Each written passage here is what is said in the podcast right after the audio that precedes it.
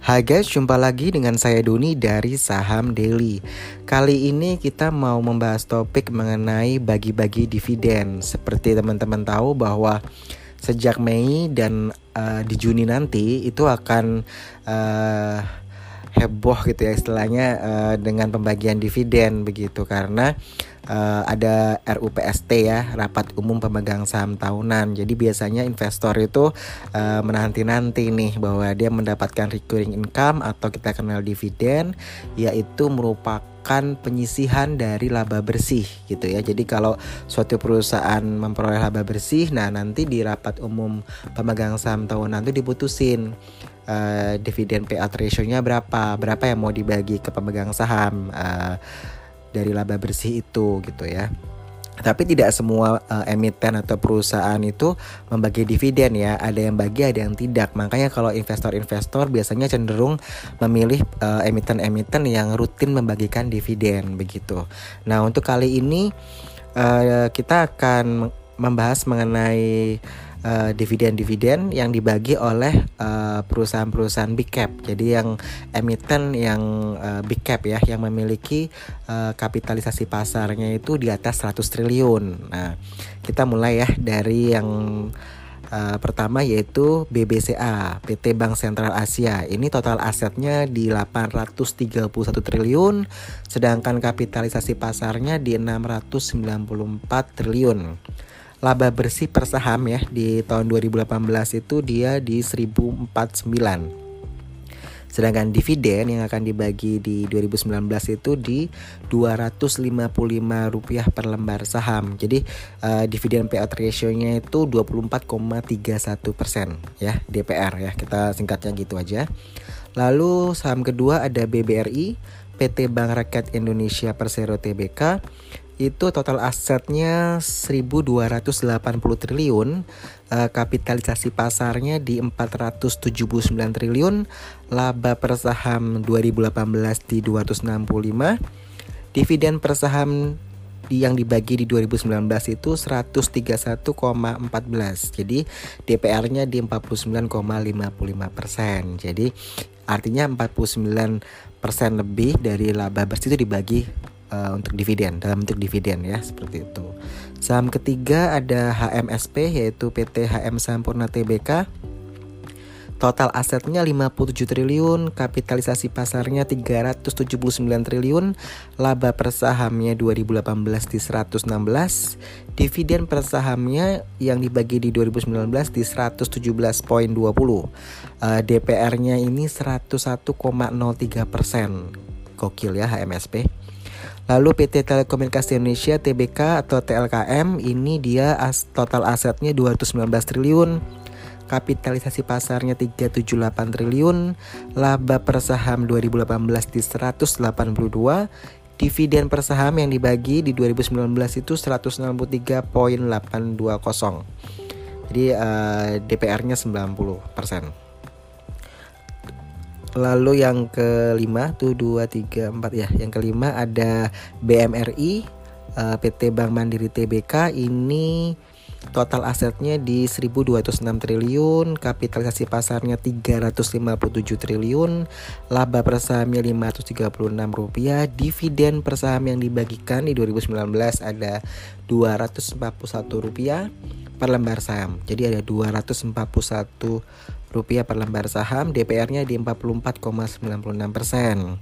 Lalu ada UNVR, PT Unilever Indonesia Tbk, total aset 22 triliun, kapitalisasi pasarnya 330 triliun, laba per saham uh, 2018 ini ada 1194 lalu dividen yang dibagi di 2019 ada 775 rupiah per lembar saham DPR-nya 64,91 persen. Lalu ada PT Astra International Tbk ASII ya. Ini total asetnya 357 triliun, uh, 357 triliun ya. Uh, lalu kapitalisasi pasarnya di 288 triliun.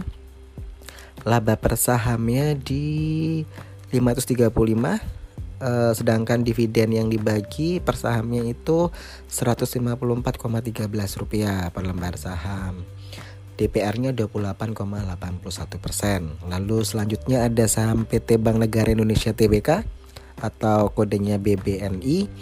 Ini total asetnya ada 801 triliun, kapitalisasi pasarnya ada 161 triliun, lalu laba per sahamnya ada 805 Dividennya yang dibagi 201.29 rupiah per lembar saham, DPR-nya 25%.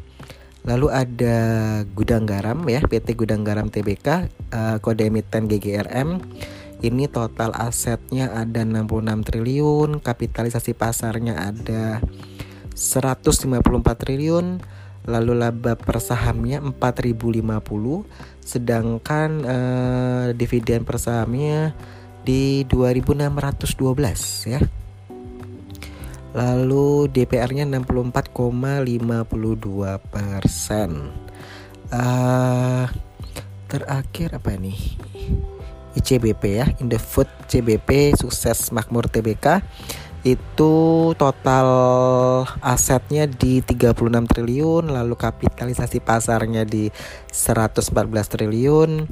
Laba per sahamnya ada di 392 rupiah.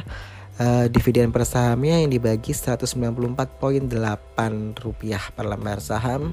Uh, DPR-nya di 49.7 persen. Seperti itu ya. Jadi uh, lumayan besar kalau kita bilang uh, kalau untuk yang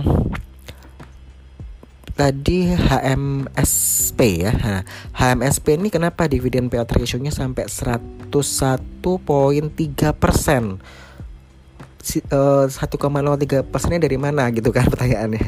Nah DPR yang lebih dari 100% ini menandakan kalau seluruh profitnya dia itu didistribusikan sebagai dividen, sedangkan lebihnya itu didapat dari laba ditahan seperti itu. Jadi kalau definisi DPR kan dividen payout ratio itu adalah rasio yang menunjukkan persentase setiap profit yang diperoleh gitu ya atau laba per saham yang didistribusikan kepada pemegang saham dalam bentuk uang tunai begitu.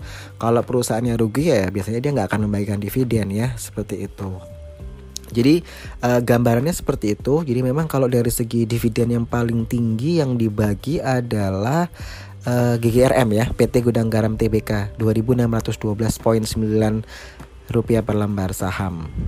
Sedangkan peringkat kedua itu oleh UNVR ya PT Unilever Indonesia TBK itu 775 rupiah per lembar saham dividen yang dibagi ya.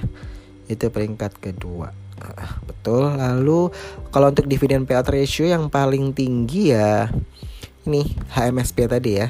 PT HM Sampurna TBK di 101.03 keduanya tertinggi kedua itu DPR-nya uh, eh, TLKM ya. PT Telekomunikasi Indonesia, Indonesia TBK itu di 90% seperti itu. Jadi kalau teman-teman yang pegang big cap ini ya uh, oke okay ya dapat apa sebagai investor anda dapat dividen sebanyak uh, sejumlah uh, lot yang Anda pegang dikalikan dengan dividen per sahamnya ya di situ. Jadi yang uh, anggap pasif income ya ini uh, ketika dividennya dibagikan. Oke. Okay? Saya Doni dari Sam Daily out.